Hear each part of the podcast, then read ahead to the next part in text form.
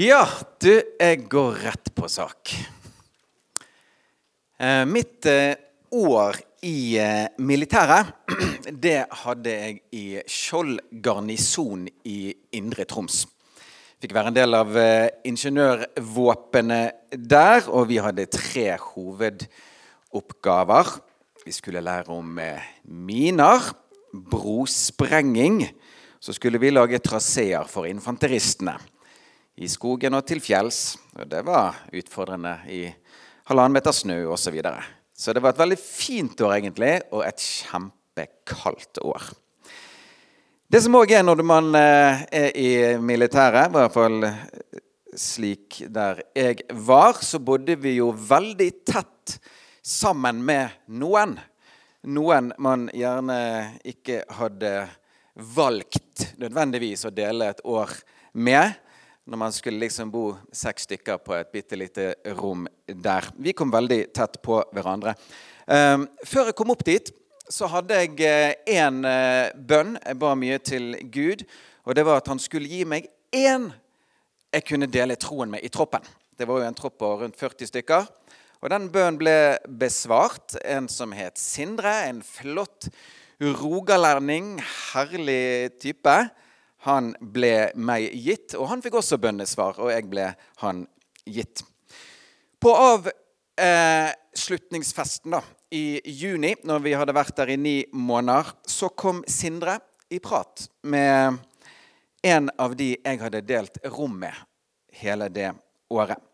Vel å merke hadde min eh, gode romkamerat fått litt sånn eh, ting og tang innabords, men likevel han sa til Sindre den kveld at hans syn på kristne og på kristen tro hadde endret seg totalt i løpet av det året etter å ha bodd så tett på meg. Og Det som hadde gjort sterkest inntrykk på denne unge mannen Sindre gjenfortalte jo dette til meg i ettertid. Det var liksom ikke bare troen min og meningene jeg hadde, samtaler vi hadde om store ting og tang. Men, sa han, det var så mange ganger han hadde observert meg, vel vitende om at jeg trodde jeg var aleine. Her vet ikke Håvard at han har en tilskuer. Så sa han alle de tingene, alle de små tingene det var det som over tid hadde gjort sterkest inntrykk. For det var ikke bare mange ord og meninger, men det var et Jeg så et liv, sa han til Sindre. Og her er vi inne på noe veldig spennende i taleserien vi nå er midt inne i, Lys og salt, som handler om dette, hvordan Jesus Kristus kan videre formidles. Det er ingen tvil om at dette med å kunne få formidle Kristus i mange tilfeller handler om å fortelle om Kristus. Som det står i Romerbrevet, troen kommer av forkynnelsen som en hører, står det. Og jeg tror egentlig at eh, mange av oss kjenner nok kanskje at akkurat her ligger en av de største utfordringene i nettopp denne tale serien, det verbale. Hvordan tar man de neste stegene i akkurat dette? Og forteller naturlig til våre medmennesker om Jesus Kristus. Men vi skal ikke være akkurat der i dag. Nå skal vi få være i det at det går an. Og ikke bare går det an, men det er også sant at det går an å formidle Jesus Kristus med våre liv uten å bruke ord. Paulus skriver dette, at vi er Kristi brev som blir lest av andre. Vi, vi er brev som blir lest.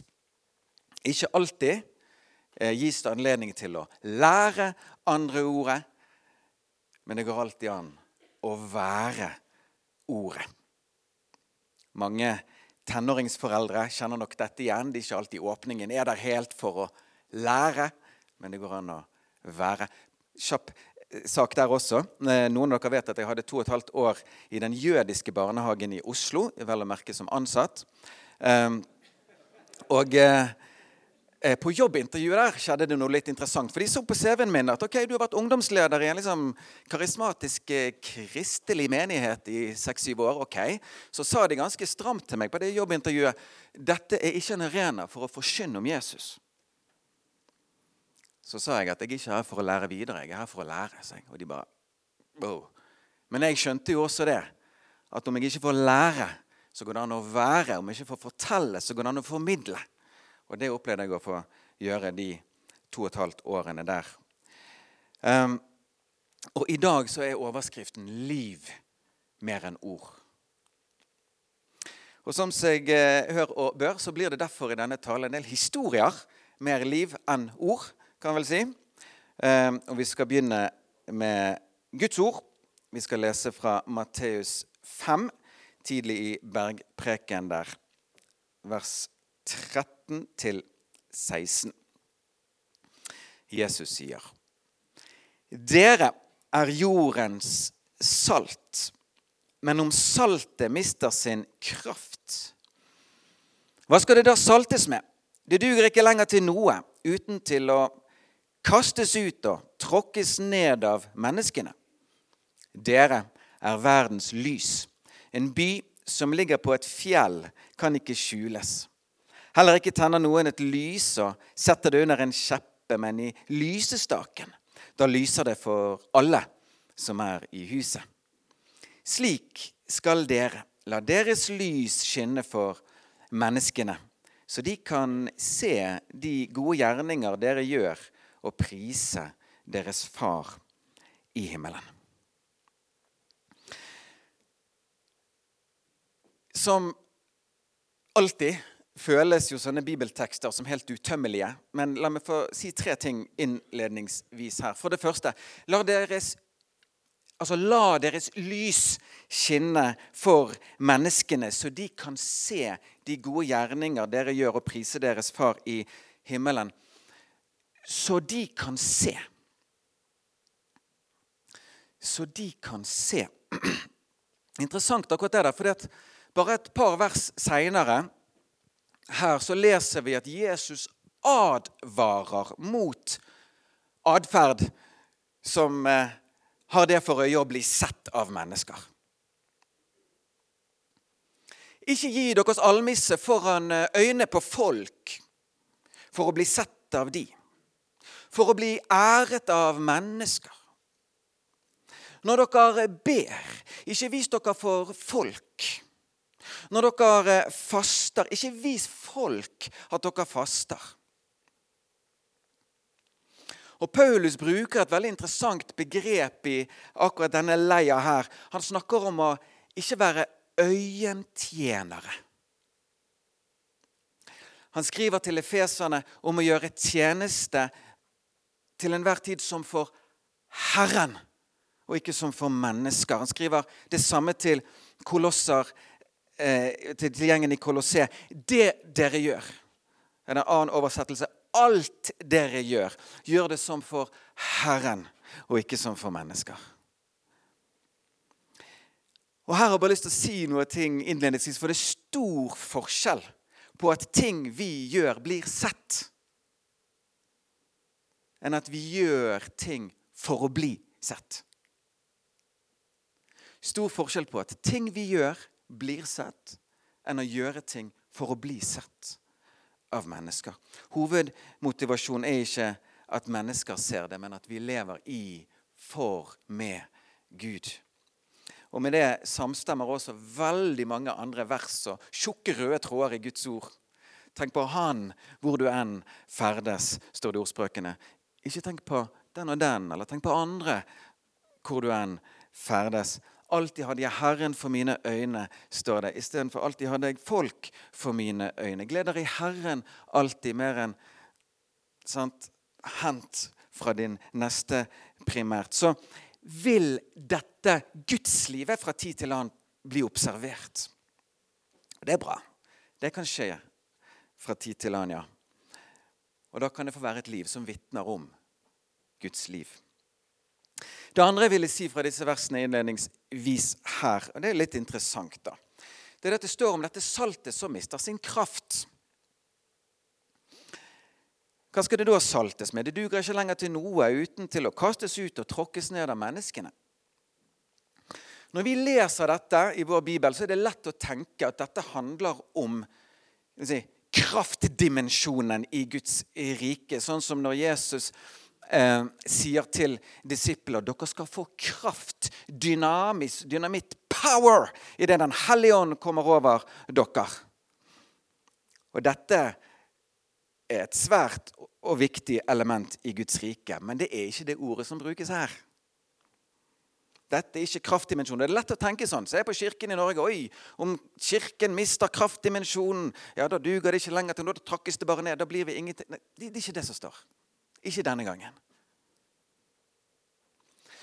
Det ordet som brukes her for å prøve å si, kaste litt sånn ulike lyskastere inn mot det samme ordet Om saltet blir smakløst, sløvt, dvaskt Forlikt alt det omkringliggende. Hvis det ikke har en distinkt smak, hvis ikke det er en skarphet der, en særegenhet Hvis ikke det er en annerledeshet så går det i ett med andre mineraler. Det oppfattes verdiløst, mens det dypest sett er verdifullt. Det kastes ut, det tråkkes ned. Det advares mot at saltet mister sin annerledeshet. Og Her er vi inne på noe veldig spennende, for Jesus han var jo så herlig og forbilledlig i dette at han var en av oss. Samtidig så var han mer enn det. Han var ikke bare akkurat slik som oss. Han var noe mer. Og Her tror jeg vi er på, på sporet noe veldig viktig, for det er bra å være en av gutta. Men om ikke det er noe annerledes, om du bare får høre 'Du er jo sånn som oss, du' så kan vi plukke det opp som en hedersbetegnelse, men kjenner vi litt etter Ok. Skal ikke det sies noe mer? Ikke det noe mer som skal få være her da? Om saltet mister sin kraft, sin annerledeshet, da blir det bare slik som alt annet. Og hva består denne annerledesheten da av?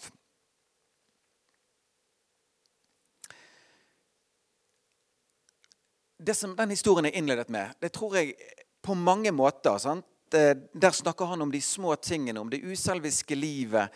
Eh, livet i det skjulte. Han hadde fått et nytt syn på kristen tro.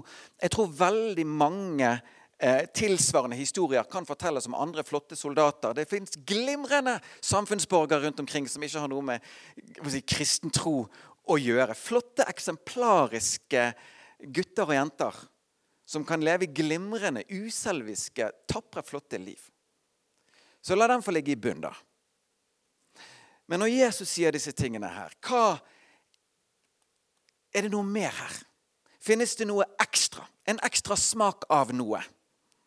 Som også skal få kjennetegne hans folk, hans etterfølgere.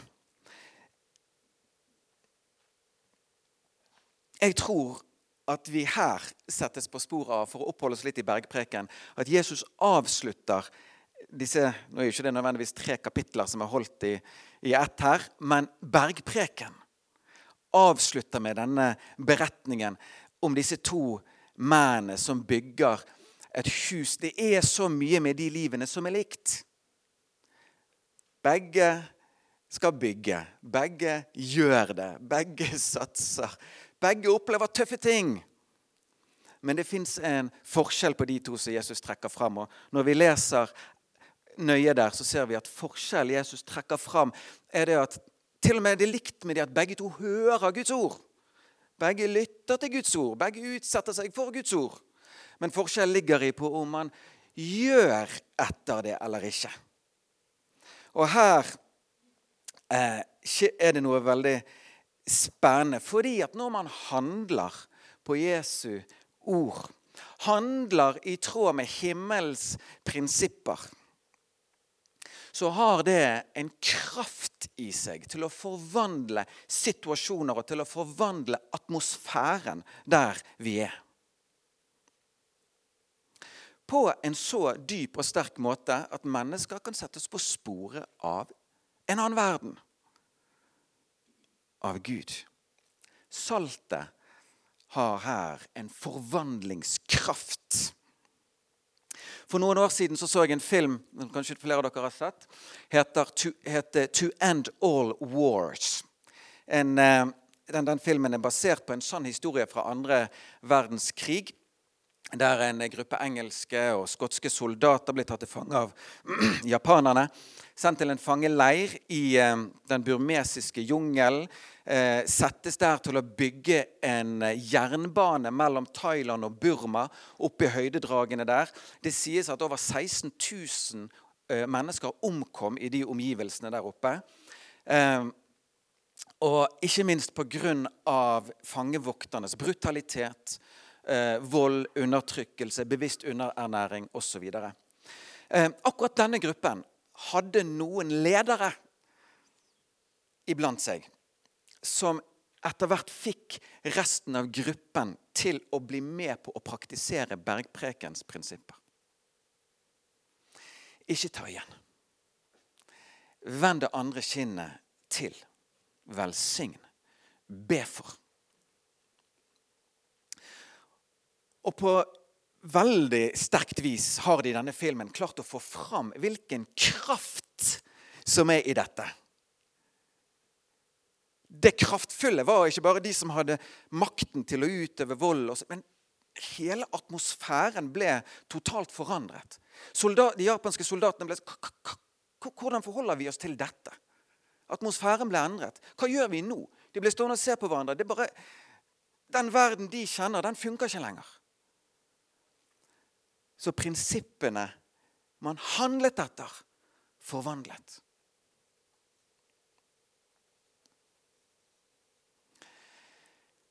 Jeg tror at når et menneske på sin livsreise mange nok ganger møter sånn annerledeshet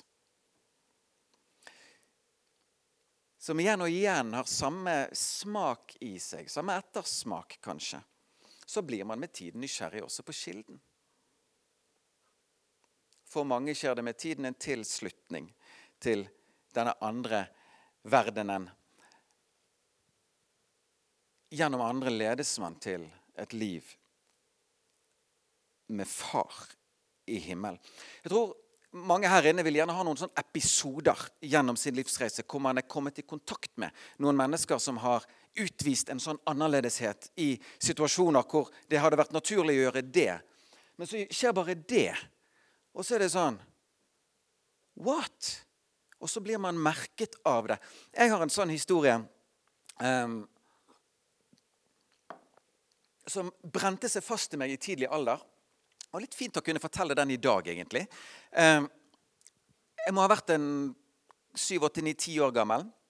Vi skulle på Menighetsviken eller sånt, på Radøytunet med Betel, som vi da gikk i. Og um, Jeg husker godt at uh, Ellen og Jostein Kråkenes Jostein sitter jo her bak, og I dag tidligere har jeg snakket med Ellen for å få bekrefte historien. for, for sikkert skyld, det er såpass lenge siden. Men det som skjer er at de på veien ut dit blir påkjørt av en fyr som kommer altfor langt over i deres kjørefelt. Denne personen eh, blir eh, altså anklager Ellen og Jostein for det som skjer. og sånn, Heldigvis var det et vitne der som fikk ryddet opp, eller som forklarte sin versjon. og Ellen Jostein var uten skyld. Men jeg husker det at jeg i en alder av sånn 7-8-9-10 år sant? Her hadde de opplevd urett og frekkhet og det ene med det andre. Og jeg liksom brettet opp ermene for at disse frekke folkene her, liksom Hei, liksom, hva gjør vi med de? Og så husker jeg Ellen sette seg ned, og så sier hun nå skal vi velsigne de. Og jeg bare Hæ? Hva er dette? Og Her står jeg, jeg er blitt 42, og jeg husker den situasjonen, jeg husker følelsen så godt. Hva? Det er en annen verden. Nå skal jo vi opp med ermene her, og de skal ha jul. Liksom, jeg var jo litt der. sant? Men Ellen bare viste at det fins en annen verden. Det fins en helt annen ånd. Og Dere har sikkert flere sånne episoder deres, på deres livsreise. En annen sånn som, som, merket meg veldig Jeg var 16 år gammel, var på tur til Mexico og USA. Um, vi, vi, vi dro, var syv stykker her fra forsamlingen som reiste bl.a. En, en mann som flere av dere kjenner godt. Han heter Bjarte Sanne. Han var en av lederne på turen. Og For å gjøre en lang historie kort så kommer vi til USA, til Atalanta. Det var OL i Atalanta i 1996. 5000 mennesker samlet eh, i regi av Ungdom i oppdrag. Skulle vi til alle mulige ja, destinasjoner etterpå det. Vi skal være der en uke. Vi kommer dit, og det har pga. masse ulike ting og tang, så kommer jeg dit uten liggeunderlag, og vi skal sove i telt på et jorde. Og så sier Bjarte til meg Du tar min luftmadrass, jeg sover på klær. Og jeg husker bare Kanskje for noen er dette vanlig liv. For meg var ikke det det da, iallfall. Jeg husker så godt følelsen av at vi kjenner jo ikke hverandre så veldig godt. Her skal du ligge på et jorde i syv dager, og jeg får ditt. Og det var bare en helt annen ånd. Det var bare helt, en helt annen verden. Jeg bare sånn, Hvilken raushet, hvilken måte å leve på. Jeg kjente en sånn tilslutning til Ellen, til Bjarte. til Dette setter meg på sporet av et liv, av en verden jeg har lyst til å være en del av.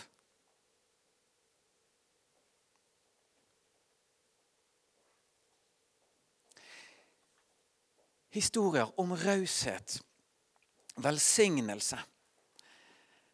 Ok, men dette kan også handle om andre ting. La meg få fortelle en historie om forvandlingskraften i rommet, da, som handler om eh, det aspektet i vårt liv med Gud som går på renhet.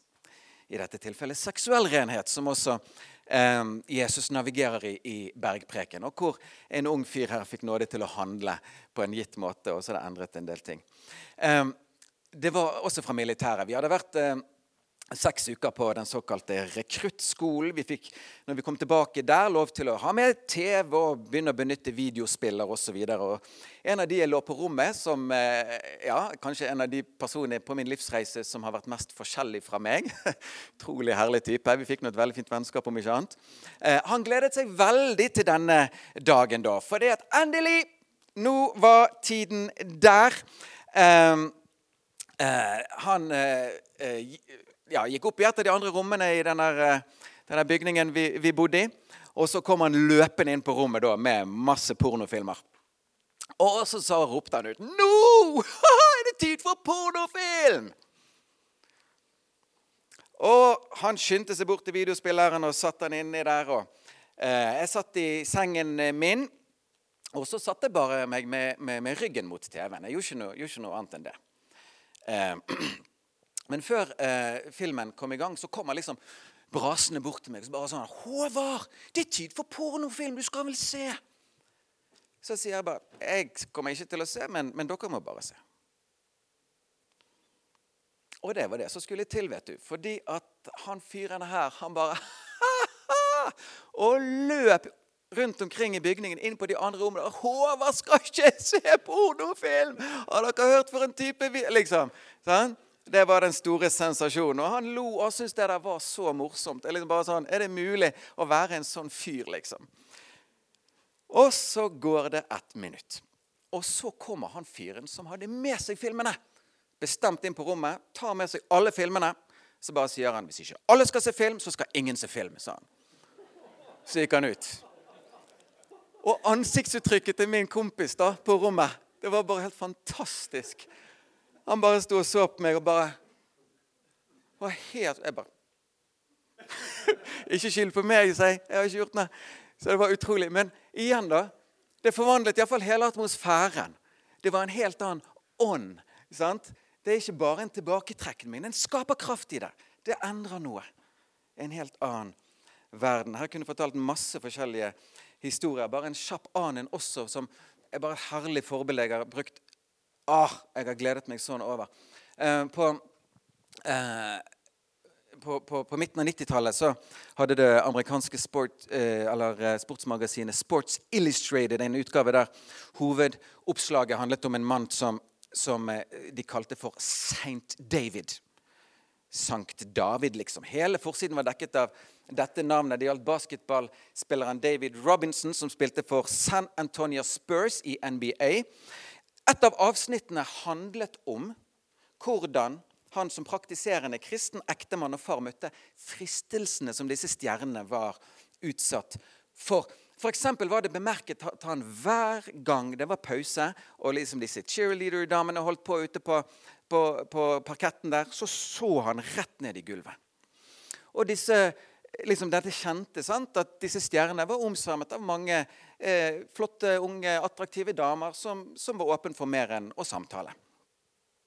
Og så eh, blir han da spurt en gang om, om, denne på en måte litt sånn uvanlig, uvanlige og tydelige og vil noen si litt lite imøtekommende praksisen. da. Og så sier han dette. Og dette er kanskje verdens beste setning. If any woman is going to get her feelings hurt, it's not going to be my wife. Og så bare viser han en helt annen verden og en helt annen ånd. Det fins. Så det kan handle om renhet. Det kan handle om tro. En annen historie. Um, nå blir det litt historie denne gangen som på en måte stiller mitt liv i et sånn passe bra lys. Kan jeg fortelle eh, ja, om den listen med tusen ting som, som ikke har gått så bra. Men, men, det er noen ganger man kan få løfte fram ting som man har fått nåde til å treffe på også. Da. En, en eh, eh, spesiell historie i denne verden her. Jeg, eh,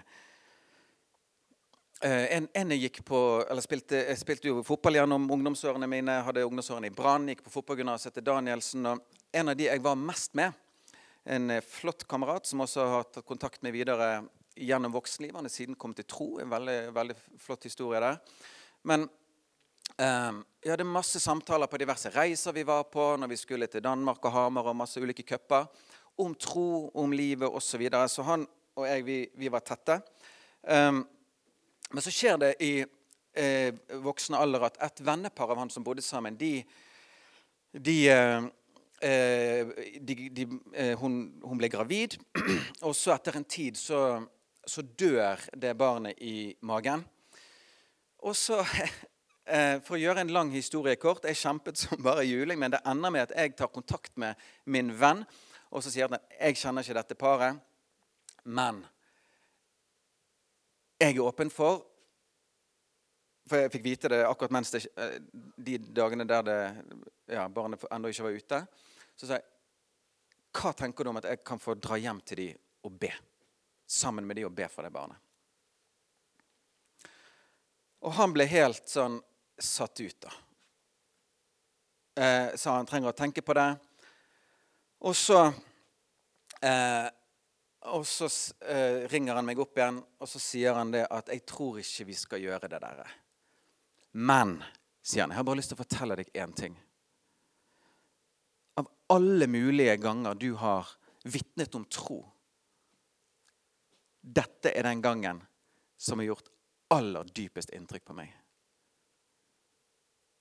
For dette vitner om substansen, dybden i din tro og i hva dette her er. For dette er egentlig galskap. Sånn. og alle de samtaler, alle de gangene vi hadde snakket sammen, så var det en gang jeg fikk handle på noe i lydighet, i tro, som endte opp som det sterkeste budskapet for han.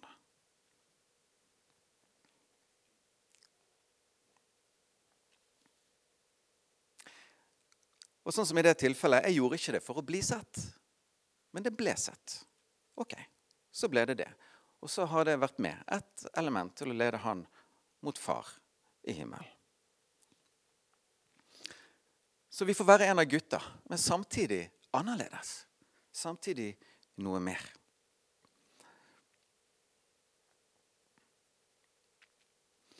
Vi, eh, vi har jo hatt en, en bønnefasteuke nå med fokus på bønn for dine kjære. Bønn for våre kjære. Um, nå er det en stund siden jeg fikk lest en, den boken som hun anbefalte der, men jeg er ganske sikker på at noen av de som um, navigerer og oppmuntrer og skriver i den boken, de sier dette at en strategisk viktig ting å be for for våre kjære, det er møtepunkt med kristne som formidler Kristus. Bare å få møte mennesker som gir den berøringen av dette andre, av en annen verden. Det er ikke alltid det forkynnes, men det kan formidles. Og Apropos ikke-troende mennesker. Når Paulus skriver til gjengen i Kolosseum om det å omgås, vist, altså omgås, med de som er utenfor, så skriver han hør på dette, omgås i visdom med den som er utenfor. Kjøp den laglige tid. La deres tale alltid være vennlig, men krydret med salt. Her er ikke det tale, men samtale. Vennlighet, men samtidig noe mer. Samtidig noe annet. Samtidig en smak av en annen verden. For å ta det litt mot eh, avrunding her. Eh, Peter har jo en helt nydelig sak, 1. Peter 3,1, eh, hvor han snakker om dette med å bli Hør på dette verset her. Like, like så skal dere hustruer underordne dere under deres egne menn, for at også de som er vantro mot ordet, hør, hør på denne formuleringen her, kan bli vunnet uten ord ved hustruenes livsførsel når de ser deres rene liv i Guds frykt. Vunnet uten ord ved livsførsel.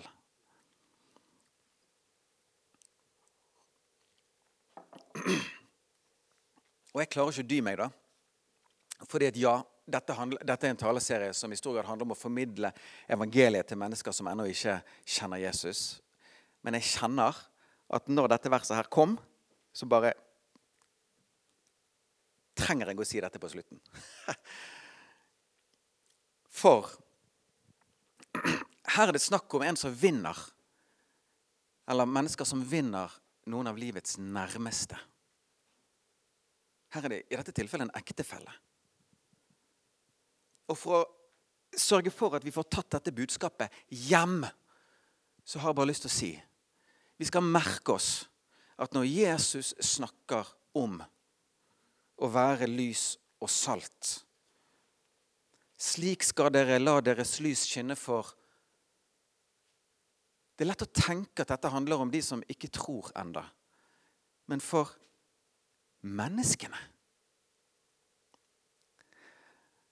Jeg vet ikke hvordan det er med deg, men jeg merker for, egentlig for hvert år som går, så føler jeg at dette, disse sjelene som vi har snekrer opp av og til, mellom innenfor og utenfor og kristen og ikke-kristen osv., det blir vanskeligere og vanskeligere å trekke de linjene. Og Jesus får dette fram på en helt sånn fantastisk måte i lignelsen om fariseeren og tolleren. Hvor du har fariseeren som vel å merke er trygg i nærheten av den religiøse bygningen. og er velkjent navn der, Men hjertet hans er jo langt vekke. Men så er det en som står langt vekke fra kirkebygningen, som er helt nær Gud i sitt hjerte. Og dette her er jo det vi befinner oss i. sant? Folk som si, var din medarbeider i går, er en del av høstmarken i morgen. sant? Og motsatt. Og det er så mye bevegelse, og det er så mye trekk, og det er så mye prosesser og faser og sesonger. Og Derfor er jeg blitt så glad i dette som at Jesus bare sier 'din neste. Bare fokuser på din neste. Neste mann, liksom. Neste person. Ikke vær for opptatt av plasseringen. Bare min neste nærmere Gud. Slik skal dere la deres lys få skinne for menneskene. For neste person. Og Det gjør til at vi kan ta dette helt hjem. For veldig ofte så er den som var vår neste i går, er den samme i dag, er den samme i morgen. Og her begynner det å bli enda mer utfordrende. Jeg vet ikke om dere husker det at jeg tror om Jøen de hadde jo en sånn nydelig sak en gang. For dette er jo denne setningen at ni av ti ulykker skjer i hjemmet. Så hadde de en sketsj. For da var det en sånn ukeblad som het Hjemmet. Så ni av ti ulykker skjer i hjemmet. Den tiende skjer i allers. Det var liksom et annet ukeblad. Men jeg tror kanskje òg at ni av ti synder vi gjør, da, skjer ofte rundt våre nærmeste, og som utfordrer jo hele dette livet her ganske kraftig. Jeg har mange på samvittigheten bare denne uken her. Åse ja, ja, da, går greit at jeg sier det. Åse på fem år hun er blitt veldig opptatt av at pappa, neste gang hvor jeg holder på å slå Ole med en brannbil, så må du ta brannbil og ikke meg. Sånn? Så vi har måttet snakke mye om det denne uken, for det var en situasjon som ikke var helt god. Der måtte jeg be tilgivelse minst 20 ganger. Og der var pappa for hard. Ja. Så dette vet vi jo litt om. Men så nydelig òg å bare få det helt hjem. Slik skal dere la deres lys skinne for menneskene. Uavhengig av hvor disse nå enn er i sin vandring med Gud. Uavhengig av ståsted. Ok. Da, Ellen Konstanse, kan du komme opp i det jeg avrunder med å si at for noen så er denne smaken, denne duften, gjerne en smak eller en duft eh, av død. Det sier Paulus. Duft av død til død. Men for andre så vil det være en duft av liv til liv. Og for Gud så er det iallfall en duft av liv. Amen. Amen.